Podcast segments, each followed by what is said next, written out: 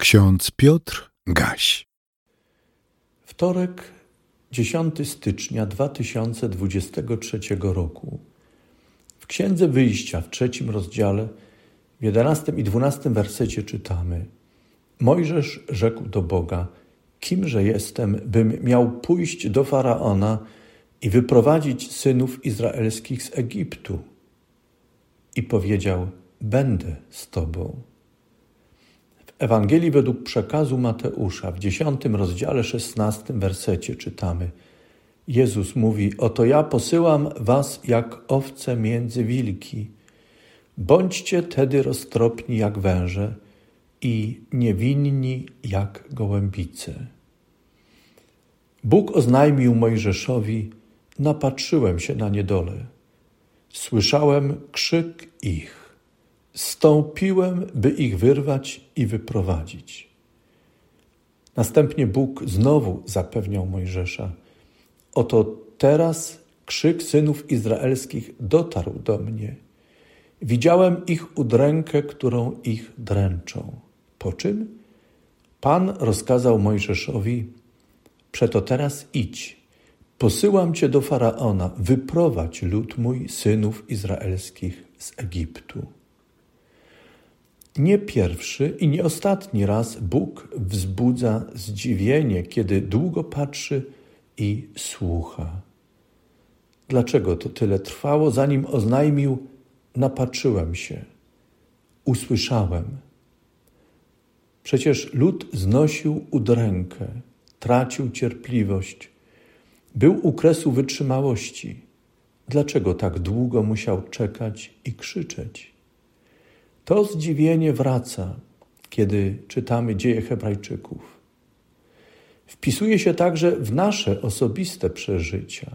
Przecież oglądanie udręki innych wzbudza również zdziwienie i sprawia nam ból. Jak długo jeszcze, Panie? Jak długo będziesz patrzył i słuchał krzyku udręczonych? Jak długo? Zdziwienie ogarnia nas Także wtedy, kiedy Bóg stępuje, zniża się i ogłasza strategię wyrwania z udręki tych, którzy czują się zniewoleni, tych, którzy wołają o Bożą pomoc.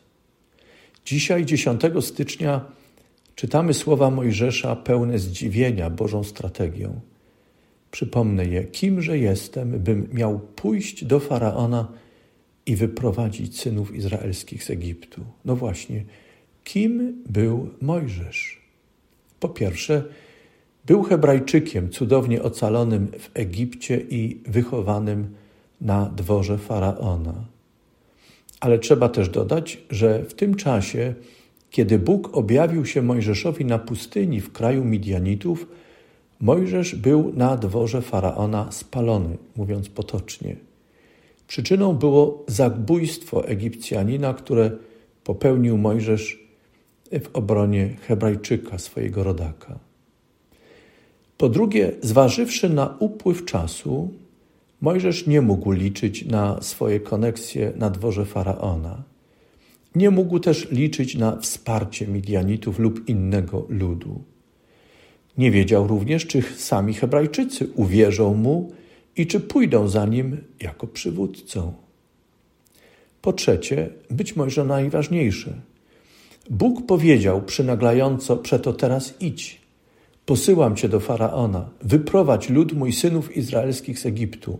Ale, ale przecież Bóg nie powiedział Mojżeszowi, jak ma to uczynić. Rozumiemy Mojżesza, kiedy pytał Boga, kimże jestem by mógł wyprowadzić synów izraelskich, by mógł stawać przed faraonem. Odpowiedź mogła być tylko jedna: Jesteś nikim, Mojżeszu, zważywszy na wszystkie wyzwania, którym będziesz musiał sprostać, aby zrealizować powierzone ci zadanie. Ale jednocześnie Mojżesz usłyszał, że nie będzie sam. Usłyszał ze strony Boga zapewnienie: Będę z tobą to oczywiste, że takie zapewnienie wszystko zmieniało. Zawierzenie Bogu pozwalało Mojżeszowi pomyśleć, Kim jest faraon, by mógł sprzeciwić się Bogu? Czym jest Egipt z całą swoją siłą wobec, wobec Boga, który jest Panem świata? Dlaczego Hebrajczycy nie mieliby zerwać się i pójść ku wolności, kiedy Bóg posyła swojego sługę, mnie, Mojżesza, abym ich wyprowadził? Wreszcie, czy wolno mnie, Mojżeszowi, lub komukolwiek z ludzi pomyśleć, że jest na straconej pozycji, kiedy sam Bóg wybiera, powierza zadanie i posyła do jego realizacji jednoznacz, z jednoznacznym zapewnieniem: Będę z Tobą. Odpowiedź jest oczywista.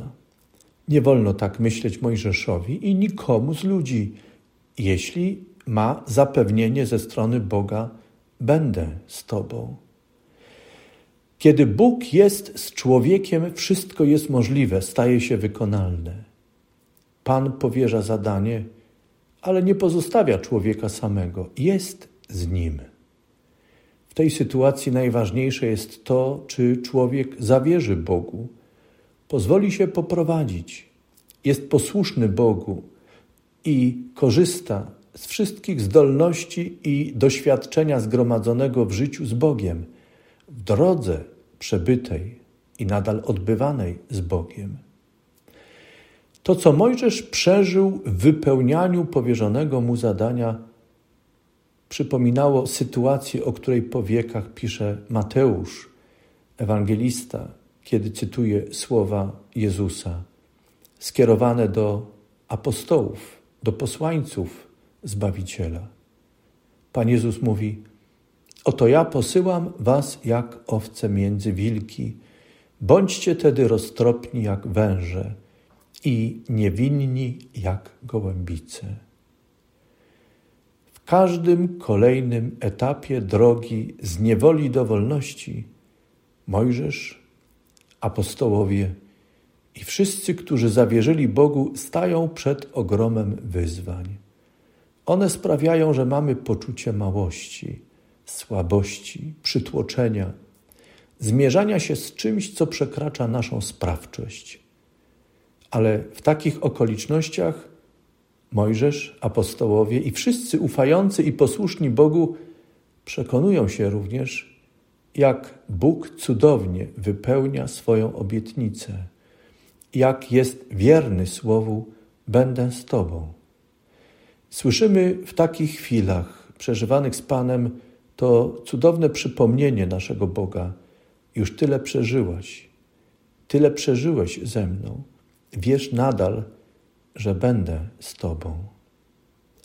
Eberhard Jüngel, profesor, jeden z największych teologów XX i XXI wieku, napisał: Nie przestawaj, Panie nasz i Boże, wspierać nas i całego świata swoim dobrym słowem aby wiara rozpowszechniała się wśród wszystkich ludzi, a moc Twojego miłosierdzia przeważała tam, gdzie możni się zapominają, a słabi są zapominani, gdzie woła się o życie i błaga o łaskę.